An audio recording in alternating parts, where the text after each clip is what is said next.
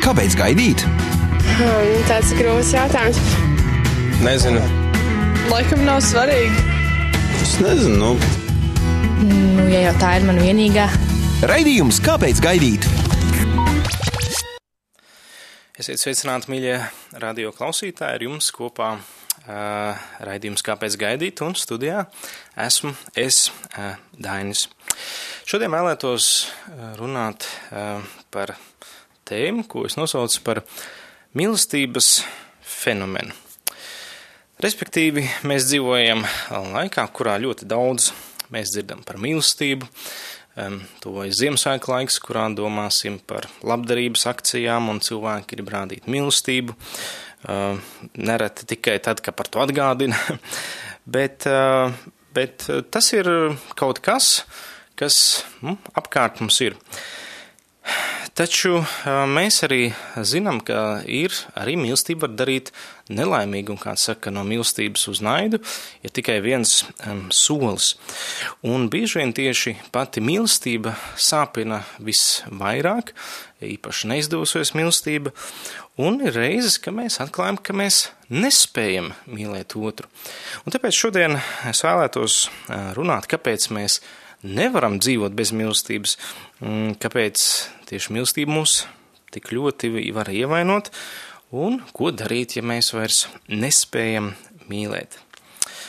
Mīlestība ir kaut kas, ko mēs nevaram redzēt, bet mēs to varam sajust. Mēs to nevaram nopirkt, bet nu, to mēs varam dabūt.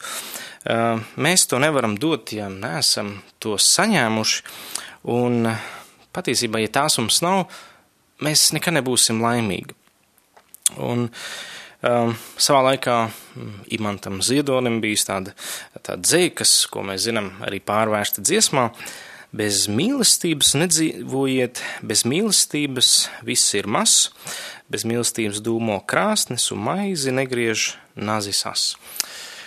Kāpēc bez mīlestības, lai nedzīvojam? Uh, mēģināsim noskaidrot.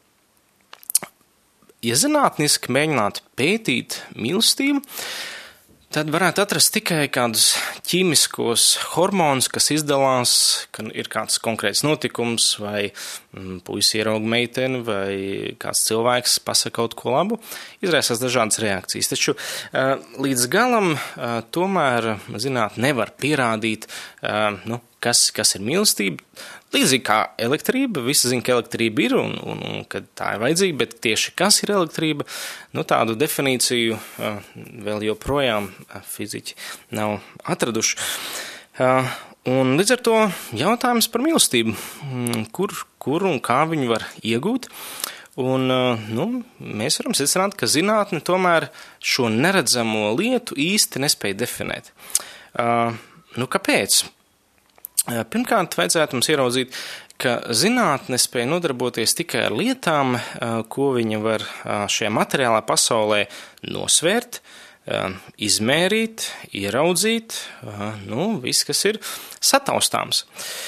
Vai tas var būt vai nu mikro pasaulē, vai makro pasaulē, bet, bet tad zinātnē var strādāt tikai un, un spriest un teikt tikai par to, ko var fiziski, teiksim, ieraudzīt, sataustīt.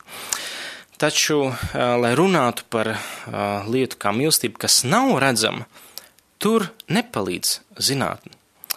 Um, savā laikā tāds latviešu astronoms Artūrs Balklaus Grīnhofs ir teicis, ka, ka cilvēks ir ne tikai fizisks, bet arī garīga būtne, un, un viņš piedara divām reālām pasaulēm, gan garīgai, gan fiziskai. Tātad zinātnes uzdevums ir izpētīt šo materiālo pasauli, nodrošināt orientēšanos šajā materiālā pasaulē, nodrošināt cilvēku un sabiedrības kopumā fizisko eksistenci. Taču reliģijas uzdevums ir atklāt tā paša cilvēka garīgās likumsakarības un nodrošināt viņu kā garīgu individu eksistenci, drošību, dvēseles komfortu, bet jau mūžības kategorijās.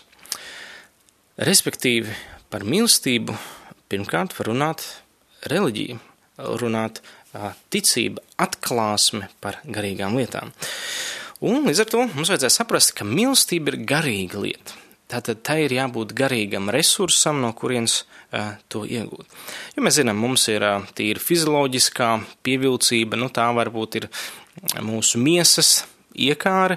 Mums varbūt tādas labas dvēseliskas sarunas, nu tā ir tāda cilvēciskā mīlestība. Bet uh, mīlestība, ko mēs varētu teikt, ir garīgā, uh, tā ir, uh, kas iznāk, varētu teikt, tikai no sirds.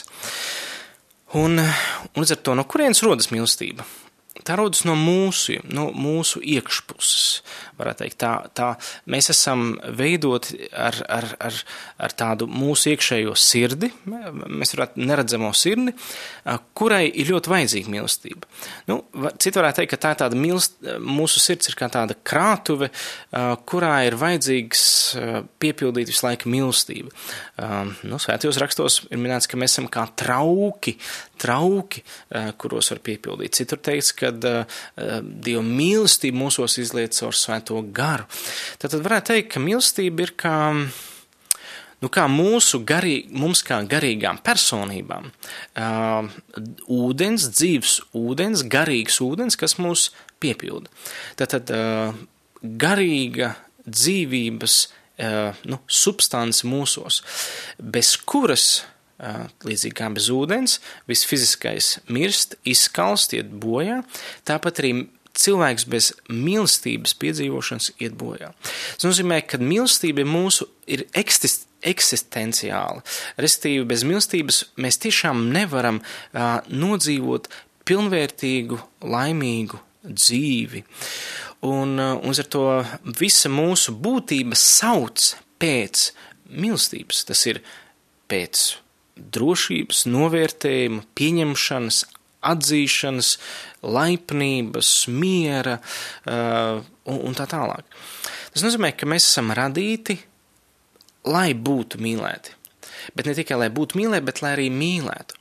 Tātad, ja Dievs ir radījis cilvēku un ir teiks, ka Dievs ir mīlestība, tas nozīmē, un mēs esam radīti pēc Dieva tēla mīlestības, uh, tad attiecības ar Dievu ir raksturojams kā mīlestības attiecības ar Dievu. Tātad, un līdz ar to mēs esam radīti, lai mēs šo mīlestību dotu tālāk. Un tas nozīmē, ka visi cilvēki mīl. Un mūsu tā iekšējā sirds ir, ir tā, no kurienes nāk ārā šī dzīvība, nāk ārā šīs dzīvības upes, ja vismaz no turienes ir jānāk ārā. Um, kāds Bībeles komentētājs teica, ka mūsu šī garīgā sirds eh, Bibliskajā antropoloģijā ir cilvēka personības centrs, no kurienes ceļas mūsu griba, domas un emocijas. Eh, citur teikts arī Bībelē, piemēram, mūsu grāmatā, ka cilvēka sirds tieksmes iznāk. Tad no mūsu sirds nāk kādas tieksmes, vēlmes, eh, kaut, kaut kas, kas grib uz kaut ko tiekties, kas grib veidot attiecības, kas, kas meklē patiesībā arī ko mīlēt. Tā, tātad, tāpat kā cilvēks, viņam ir jāsņem mīlestība, tieši tāpat viņam ir kāds jāmīl. Piemēram, ir cilvēki, kuriem varbūt ir vientuļi, bet viņiem vismaz vajag kaķīti vai sunīti, nu, uz kuru var to, to, to labestību dot, jo cilvēks, ka viņš nesāk dot šo mīlestību, viņam uh, viņš, viņš liekas, ka viņš neeksistē, viņš, viņš varbūt ir, bet viņš nedzīvo, viņā nav šī piepildījuma.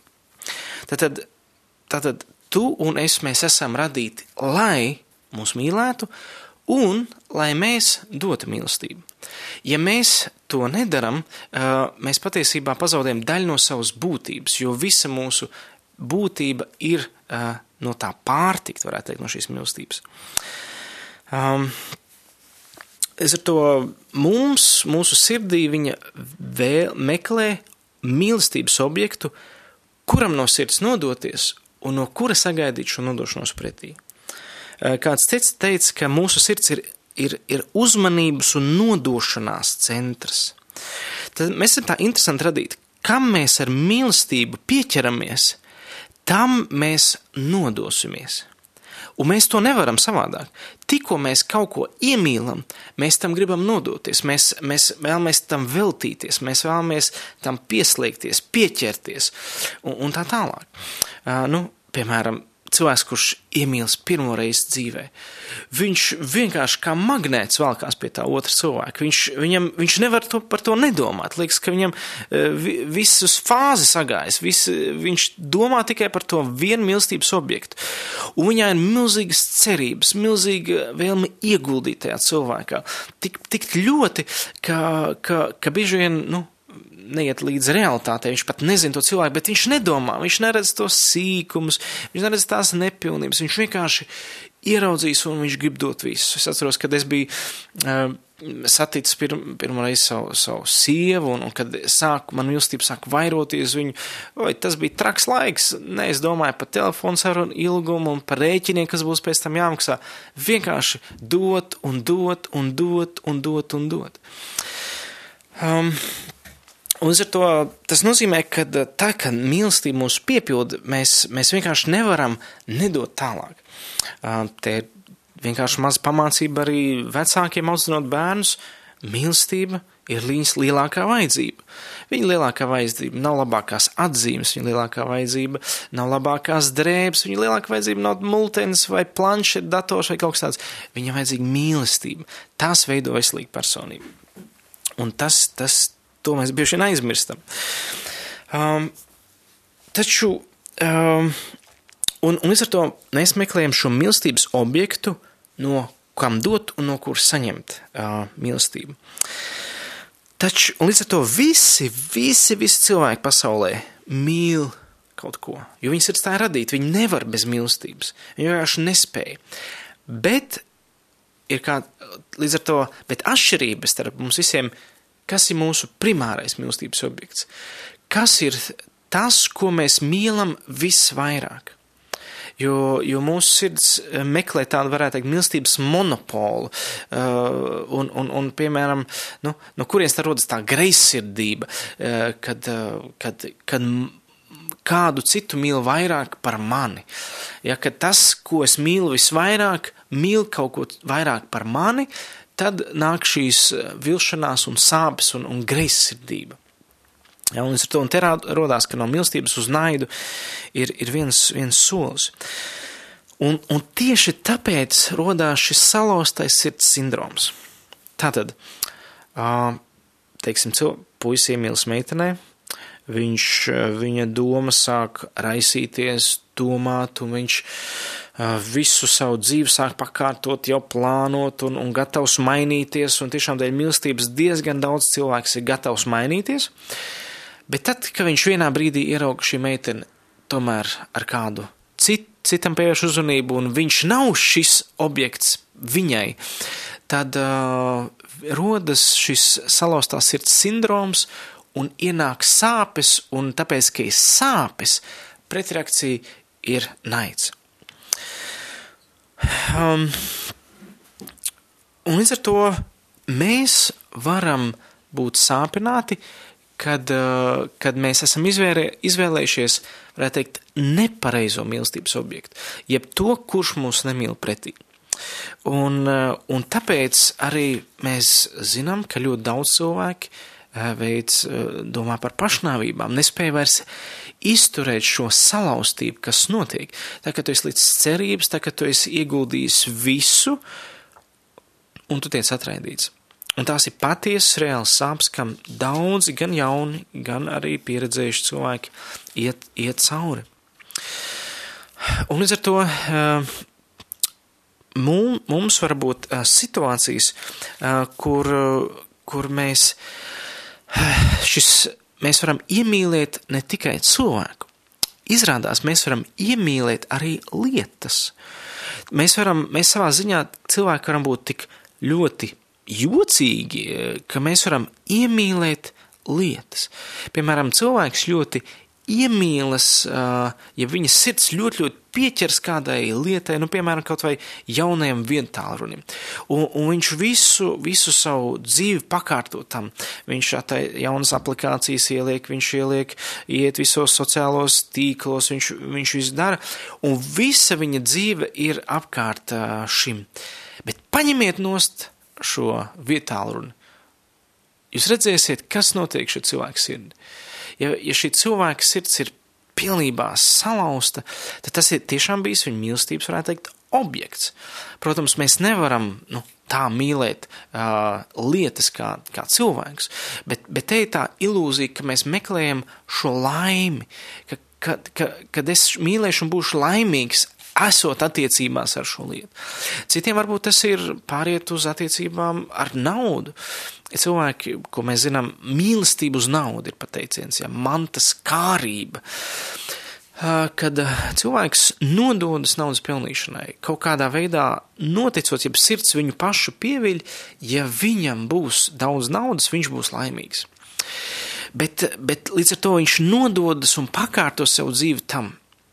Bet jebkurš mīlestības objekts, kas nemīl pretī, un nauda, un, un tālruņi, un, un karjera nespēja mīlēt pretī, un arī īstenībā daudz cilvēku nespēja mīlēt pretī, mē, mēs tiekam sagandēti, jeb sabojāti no tā, kam mēs, kur priekšā mēs pazemojamies.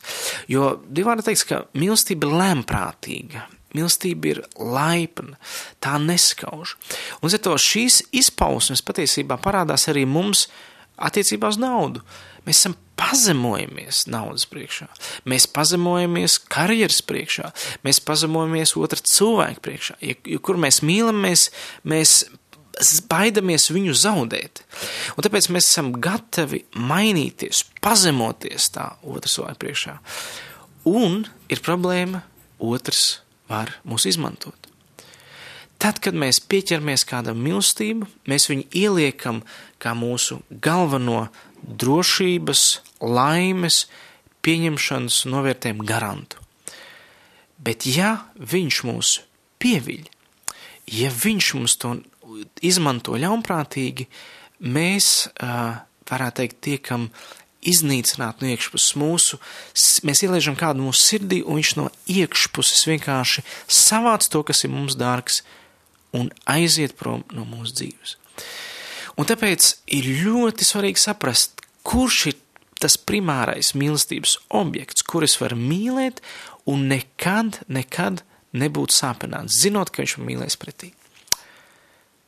Pirmais mums nāk prātā īstais cilvēks. Man vienkārši vajag atrast īsto cilvēku. Bet Bībele mums saka, visi cilvēki ir grēkojuši, visiem trūkst dievišķās godības, un no mūsu sirds iznāk ļaunas domas, laulības pārkāpšana, meli, zakšana un tam līdzīgas lietas. Tad mēs patiesībā ieraugam, ka visi cilvēki kaut kādā veidā ir egoisti, vērsti uz sevi. Tātad tas nozīmē, ja es savu visu dzīvi gribu atdot cilvēkam, es tikšu sāpināts. Tad liekas, tad, tad priekš kam vispār kādu mīlēt? Un mūsdienās ir daudz cilvēku, kas ir piedzīvojuši sirds sāpes, šo nodevību, no šķiršana, šo šķiršanos, šo uh, atraidījumu. Varbūt jau daudz no pilnīgi no bērnības, sākot vēl pieķerties vecākiem, bet mammas nav, vai tēvs aiziet prom no ģimenes, vai vecāki nav pazīstami. Un iedomājieties, kas notiek ar tādu zemi, kura nav lieta gadiem, ūdens tur nav bijis. Tur ir putekļi, cietums, cieta sirds. Un tieši tas pats notiek cilvēki, kas izaudz bez mīlestības. Un, un līdz ar to cilvēki, kuri baidās būt sāpināti, viņi aizver savu sirdi un vairs nemeklē, kur mīlēt, un, diemžēl, paliek viena. Un savā laikā es jau minēju, uh, Klaivs Stēpils Lūis, Nārnijas kronikas autors, teica, ka, kad ja cilvēks izvēlas nocietināt savu sirdi, uh, un lai pasargātu to no sāpēm, beig beigās viņš aiziet nolemtībā, jo viņš patiesībā drīzāk iemīl vientulību, viņš iemīl nocietinātību, viņš iemīl patmīlību, restīvi viņš tik un tā mīl, bet viņš pieķeras kaut kam, kas viņu aizved uz nāvu un tukšumu un izmisumu. Ar to, ja mēs mīlam, mēs vienmēr tiksim sāpināti. Uh, taču mums ir jāatrod kāds, no kura mēs varam smelties, ka mūsu mīlestības banka ir tukša. Varētu teikt, ja mūsu sirds ir kā motors, kas mūs grib dzīt uz priekšu un, un dzīvot un, un sasniegt lietas, Tad mīlestība ir kā šī degviela, kas palīdz šim motoram darboties un tiešām iet uz priekšu. Tikko cilvēks sajūt, ka viņu vairs nemīl, nav neviens, kas viņu pieņem, viņam ir zūd drošība, tam seko līdzi bailes. Tikko mīlestība aiziet prom no cilvēka dzīves, automātiski ienāk bailes. Viņas abas kopā nevar pastāvēt. Arī Dievvvārds saka, ka pilnīga mīlestība aizdzen bailes. Tikko pazūd mīlestība, atnāk bailes. Līdz ar to, ja tev ir no kaut kā bail, tu vēl tad iespējams neesi šajā konkrētajā sfērā sasniedz pilnību mīlestībā. Piemēram, kādreiz man bija bail no tumsas, un, un, un es domāju, ka kaut kā iekšpusē emocijās, ka tumsā es esmu viens, atstāts, vientuļš, nezināms kaut kas. Bet tad, kad man nāca šī atklāsme, pirmkārt, kad es nekad vairs neesmu viens, jo es esmu kopā ar Dievu, viņš ir mani visur, un ka viņš nav vienkārši teorija, bet reāls gar, gar spēks, kas caur svēto garu ir ar mani. Vēl citur Bībelē teica, ka viņš sūta savus eņģeļus mūs visur pasargāt, un es sapratu arī, ka tumsā neviens patiesībā neredz mani tieši tāpat, kā es neredzu viņu. Šīs bailes vienkārši pazuda. Līdz ar to, tāpat kā mēs varētu teikt, nu, vai tad Dievs tiešām ir, ir, ir mīlestības Dievs, un savā laikā bija tāds sarunas starp kādu profesoru, kas kādam kristīgam studentam teica, vai tu tici Dievam, viņš teica, jā, Viņš teica, vai uh, Dievs ir labs? Viņš saka, jā, protams, ir Dievs ir labs. Bet, uh, bet kurš radīja sātanu? Viņš saka, Dievs. Un vai sātans ir labs? Nē, sātans ir ļauns. Um, Tātad, ja Dievs ir radījis sātanu, kurš ir ļauns, tas nozīmē, ka Dievs ir radījis ļaunumu, un viņš pats ir ļauns. Um, Un šis students atbildēja, profesor, jūs maldāties. Viņš saka, vai, profesor, vai pastāv tāda lieta kā tumsa un augstums? Profesors teica, jā, protams, mēs zinām, ka pastāv tums un augstums. Nē, profesor, nepastāv tums un augstums, jo augstums ir tikai vārds, ko mēs apzīmoj, apzīmējam uh, siltuma trūkumu, jo mēs varam izmērīt tikai siltumu, tur, kur ir enerģija, un, un, un enerģija, enerģija siltumā. Līdz ar to mēs, mēs redzam, ka, ja vairs šīs enerģijas nav, tad mēs esam atraduši tam vārdu augstums, bet mēs nevaram izmērīt augstumu kā tādu. Tieši tāpat mēs nevaram, arī tumsa nepastāv, jo tumsu var izmērīt tikai pēc daudz, pēc tā, cik daudz tur ir gaismas, un tums ir tikai vārds, ko mēs apzīmējam gaismas prombūtni. Un tieši tas pats ir ar ļaunumu. Ļaunums pats par sevi nav. Tā ir, tas ir svētuma, jeb dieva labestības prombūtne. Un tajā, kur ir pastāv šis dieva prombūtņiem šis ļaunums, tur rodas, jeb tur darbojas šī ļaunā darbība. Un, un es ar to līdzīgi arī ar mīlestību. Bailes ir mīlestības prombūtne. Kur pazūd mīlestība, tur automātiski atnāk bailes. Nekas cits nevar atnākt. Mēs zinām, kā Ādams un Ieva, bija, viņi bija ēdienas dārzā, un viņi aizgāja no Dieva klātbūtnes. Ja, paradīze, ēdienas dārzs, ja, prieka vieta, prieka vieta no attiecībām ar Dievu, un kur ir mīlestība, tur ir prieks, tur ir miers, tur ir taisnība. Uh, un, un Ādams un Ieva aizgāja prom no šīs mīlestības uz Dievu. Viņi iemīlēja kaut ko citu. Viņi izvēlējās par savu mīlestības objektu gudrību, šo augli, pašizdomu, sevi. Un tajā brīdī, kas notika, ienāca bailes cilvēkā. Bailes. Līdz ar to, ja nav mīlestības, ir bailes. Un, un līdz ar to, lai ko darīt? Ko darīt, ja mēs e, vairs nespējam mīlēt, ja mēs esam pazaudējuši šo mīlestību. Pazaudējis ar ko? Mēs esam sākuši mīlēt, uzticēties, cilvēks mūs ir pievīlis, vai mēs esam pievīlušies, mēs esam atstāti vieni, un mums ir vajadzīgs saņemt. Saņemt, bet kur mēs to varam saņemt? Pirmkārt, mums jāsaprot, ja mēs gribēsim atkal sākt mīlēt, mums jāsaprot, kuru es varu mīlēt droši, kurš mani nekad nesāpinās un nepievils. Dievvvārds saka, kas ir šis pirmais, primārais, svarīgākais mīlestības objekts, kurš man, kuram, kur es varu droši mīlēt ar visu savu sirdi. Marka 12, uh, 28, uh, 12, 30. Jēzus atbildēja kādam farizējam par to, kas ir augstākais bauslis. Šeit tev būs to kungu savu divu mīlēt no visas savas sirds, no visas savas dvēseles, no visas savu prātu, no visas savu spēku. Un otrs ir šis, tev būs mīlēt savu tuvāko kā sev pašu, un cita lielāka bauša par šiem nav. Tas nozīmē, ka Dieva dēls atklāja, un, un svētie raksti mums arī atklāja, kad primārais mīlestības objekts, ko mums jāmīl visvairāk, un tas būs visdrošāk, tas mēs vienmēr saņemsim pretī šo mīlestību caur svēto garu, ir Dievs, mūsu radītājs, mūsu debesu tēvs. Un ar to problēmu mums rodās cilvēkiem, ka mēs šī Dieva vietā mīlam kaut ko vairāk. Arī Jēzus diezgan skaidri teica, ja kāds mīl savu tēvu vai māti vai savus brāļus vai māsas vairāk nekā mani, tas nav manis uh, vērts. Uh, tas nozīmē, ka kaut kas notiek ar mūsu sirdi, ka viņi sāk mīlēt kaut ko vairāk par Dievu. Restīvi, kas notiek? Pirmkārt, mūsu sirds pieķerās uh, šim mīlestības objektam kā Dievam. Tāpēc, ka Dievs radīja mūsu sirdi pirmkārt, lai mēs mīlētu viņu un šajā mīlestības attiecībā saņemt no viņa mīlestību atpakaļ. Un tad arī spētu mīlēt otru cilvēku. Bet tā, kad mēs samainām otrādi šos baušus, mēs sakam, tā, ka mēs cenšamies mīlēt otru bez dieva mīlestības, kas notiek? Mēs patiesībā nevaram līdz galam šo otro balsu izpildīt, jo tu teiksi, mīli savu tuvāko kā sev pašu. Tātad, ja mani, ja man nav šī sapne, ka Dievs man mīl kāds es esmu, tad patiesībā es nevaru otru mīlēt kā sev pašu.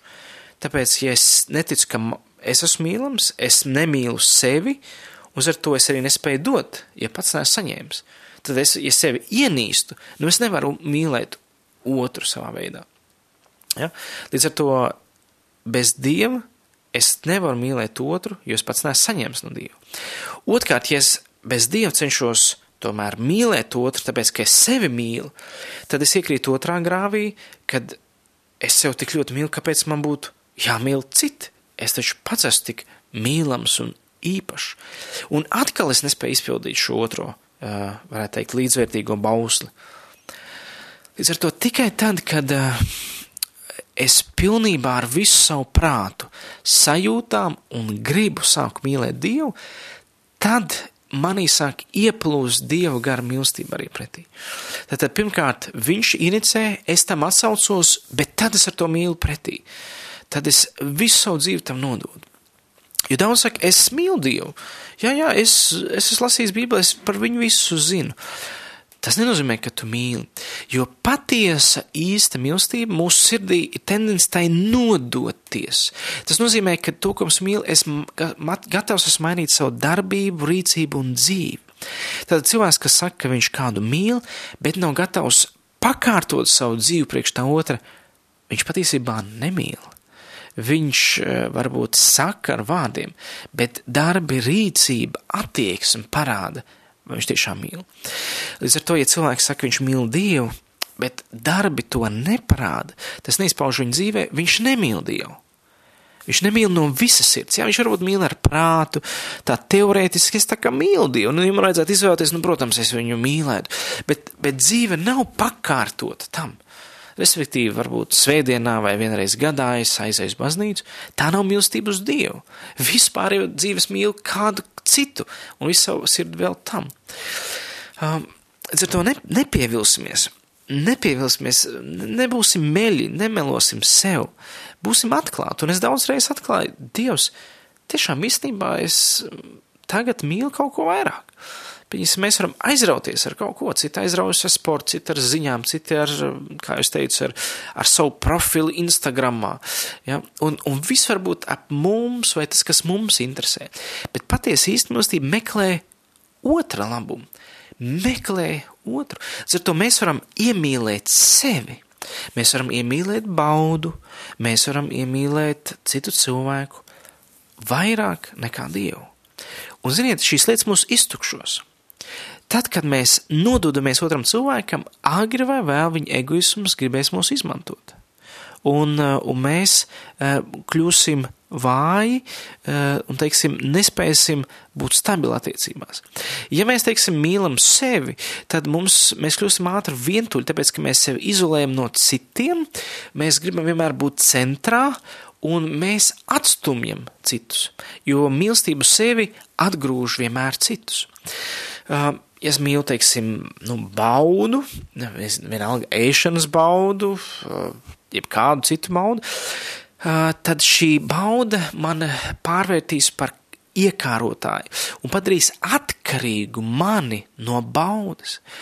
Tas nozīmē, ka man būs vajadzīga spēcīgāka, spēcīgāka, spēcīgāka bauda, lai es iegūtu šo uh, pieņemšanas sajūtu, lai, lai es atkal būtu šo piepildījumu iegūt. Līdz ar to vienīgā veselīgā pieķeršanās mīlestība, kā es teicu, ir uz Dievu, jo viņš nepadara uh, atkarīgu no sevis tik ļoti kā brīvus mūs. Viņš mūs atbrīvo, mēs sākam piedzīvot to, kas mēs patiesi esam. Viņš mums ļauj ieraudzīt to, kas ir mūsu sirdī un kas mums patīk. Mēs sākam vairāk ieraudzīt dzīves jēgu. Līdz ar to uh, gudrākā lieta, kas ir, ir mīlēt, mīlēt Dievu. 1. Jāņa 4, 7 ir teikts, mīļie, mīlēsim citu citu, jo mīlestība ir no Dieva. Un katrs, kas mīl, ir no Dieva dzimis un atzīst Dievu. Kas nemīl, nav Dieva atzīts, jo Dievs ir mīlestība. Tad, tad ja, kā, ja kāds no mums nemīl, tad mēs neesam Dievu atzinuši, mēs neesam paz, pazinuši. Tad, tad mums nav personīga pieredze par Dievu mīlestību. Jo tad, kad mēs piedzīvojam Dievu, mēs piedzīvojam arī Viņa mīlestību. Un tā ir daudz lielāka nekā mēs spējam saprast. Mēs varam nedaudz pārdomāt, ko nozīmē šī mīlestība. 9. pāns tālāk atklāja 1. Jāņa 4.9. Redzama ir kļuvusi Dieva mīlestība mūsu starpā. Tad tā nav tikai teorija, tas nav bijis tikai izdomājums, tas, ko es saku, bet viņa kļūsi redzama, ir fakti, ir, ir, ir vēstures fakti, ir arheoloģijas fakti, ir, ir svēto rakstu fakti, ir cilvēku liecības. Par kādu mīlestību redzam mūsu vidū? Dievam savu vienpiedzimšo dēlu sūtot pasaulē, lai mēs dzīvotu caur viņu. Un šī ir tā mīlestība, nevis ka mēs esam mīlējuši Dievu, bet ka Viņš mūs mīlēs un sūtīs savu dēlu mūsu grēku izpirkšanai. Mīļie, ja Dievs mūs tā ir mīlējis, tad arī mums pienāks citam citu mīlēt. Tad ne, nedaudz padomāsim. Tu varbūt um, ieraugi, ka tu mīli tikai sevi. Tu ieraugi, ka tava dzīve kārtojas tikai ap tevi, to, ko tu vēlies. Tu, tev patiesībā citu viedokli tu pakārto otrajā vietā. Un, protams, arī Dievs tev nav pats svarīgākais. Un tev liekas, tāpēc, ka tu nemīli Dievu, tev automātiski rodas sajūta, arī Viņš tevi nemīl. Bet patiesībā tā nav. Tad, tad arī ir teiks, ka Dievam, varētu teikt, ir sirds, viņ, viņš ir personība, kas tiecas mīlēt. Tas nozīmē, ka Dieva vēlme ir tev dot to labāko. Dieva vēlme ir tevi atrast par savus mīlestības objektu. Tad Dieva vēlme ir dot tev, nodoties priekš tevis. Kā, kā mēs to varam saprast, ka, ko nozīmē nodoties? Viss, kas ir Dieva, viņš ir gatavs dot tev. Bet viņš gaida arī pretī. Viņš gaida apusēji nododošas attiecības, un to sauc par derību. Mēs zinām, jaunā derība. Tās ir attiecības, kas ir balstītas, ka visu, kas ir Dievam, viņš ir gatavs nodot priekš tevis, un viņš pierāda šo derību jau dodams sevi pie krusta, Jēzu Kristu, jau nomirdams, viņš jau savu daļu ir izdarījis, pierādījams šos mīlestību. Tas nozīmē, tu esi, tevi ir kāds, kas tevi ļoti, ļoti mīl, kas nodod visu savu būtību, lai tikai tu ieraudzītu, cik viņa acīs tu esi dārgs, cik viņa acīs tu esi vērtīgs, cik liela nozīme ir tavai dzīvei šeit virs zemes, cik ļoti svarīgi ir viņam, kā tu jūties, ko tu domā. Viņam ir ļoti svarīgi, uh, uz, uz kurieni uh, tavs prāts nes, viņam ir ļoti svarīgi, uh, ko tu vēlies, viņam ir svarīgi tavs vēlmes. Viņš grib pievērst tev uzmanību, un viņš to var grib darīt. Viņš grib iedot, nodoties savstarpēji uzticamās, nododošās attiecībās ar tevi. Ja varbūt tev liekas, bet kāds te sakars ir attiecībām? Ļoti liels sakars. Tu nevarēsi mīlēt ne savu draugu, ne savu draugu, ne vīru, ne sievu, ja pirmkārt tev nebūs šīs dziļās, savstarpēji nododošās attiecības ar Dievu. Un tā, kad tu teiksi, Dievs, es gribu tevi mīlēt no visas sirds, piedod man, kad es neesmu tam ticējis, piedod man, kad es neesmu meklējis tevi, tad tu ieraudzīsi, ka viņa svētais gars sāks piepildīt tevi ar jaunu spēku, ar jaunu prieku, ar laimi, eh, ar, ar, ar, ar, ar šo makārijos grieķu valodā, ar šo svētlaimību. Tā būs laime, kas būs svēta, kas būs ar vēlmi dodoša. Ir egoistiska laime, ko iegūst paņemot no citiem, bet šī būs tāda laime, ka tu gribēsi darīt otru laimīgu, ka tu gribēsi mīlēt tāds, kāds viņš ir. Tad tu varēsi izpildīt šo balsu, mīlēt otru kā sev pašu, jo tu būsi pats piedzīvojis apbrīnojama mīlestība, ka kāds gatavs mirt, lai tikai būtu attiecībās ar tevi. Tu saproti, cik tā ir īpaša, dziļa, prātam nesaprotama mīlestība, bet piedzīvojama, reāla un dabūnama šodien, jau šodien šajā brīdī. Un šīs milst, durvis uz šo mīlestību ir Jēzus. Jēzus ir šīs durvis uz šo mīlestību. Ar to neviena laulība, nevienas attiecības bez jēzus neizdosies. Es gribētu, lai tā būtu, bet tas nenotiek. Tas nav iespējams, jo, jo Dievs ir laulība un attiecība autors, un viņš ir paredzējis būt par centrālo mīlestības objektu šajās attiecībās. Un ja vīrs no visas sirds nemīl Dievu, ja sieva no visas sirds nemīl Dievu, viņi nebūs laimīgi. Šī laime būs uz laiku, viņi būs atkarīgi no apstākļiem, no daudzām lietām. Bet tad, kad ir abi no visas sirds ir nodevušies Dievam, nodevušies Dievam, viņi varēs tikpat ļoti nodoties arī viens otram, un viņi varēs mīlēt otru kā sev pašu. Līdz ar to, tad, kad nav šīs mīlestības, mēs esam tukši.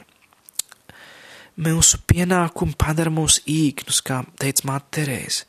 Mūsu atbildības mīlestības padara nesaudzīgu, taisnības mīlestības padara cietsirdīgu, laipnības mīlestības padara liekulību, gudrības mīlestības padara nežēlīgu, kārtības mīlestības padara sīkumainu, gods bez mīlestības padara augstprātīgu, īpašums bez mīlestības padara skopu, ticība bez mīlestības padara fanātisku, dzīve bez mīlestības ir bezjēdzīga, toties dzīve mīlestībā dod laimu un prieku, un Kristus ir šīs durvis šo mīlestību.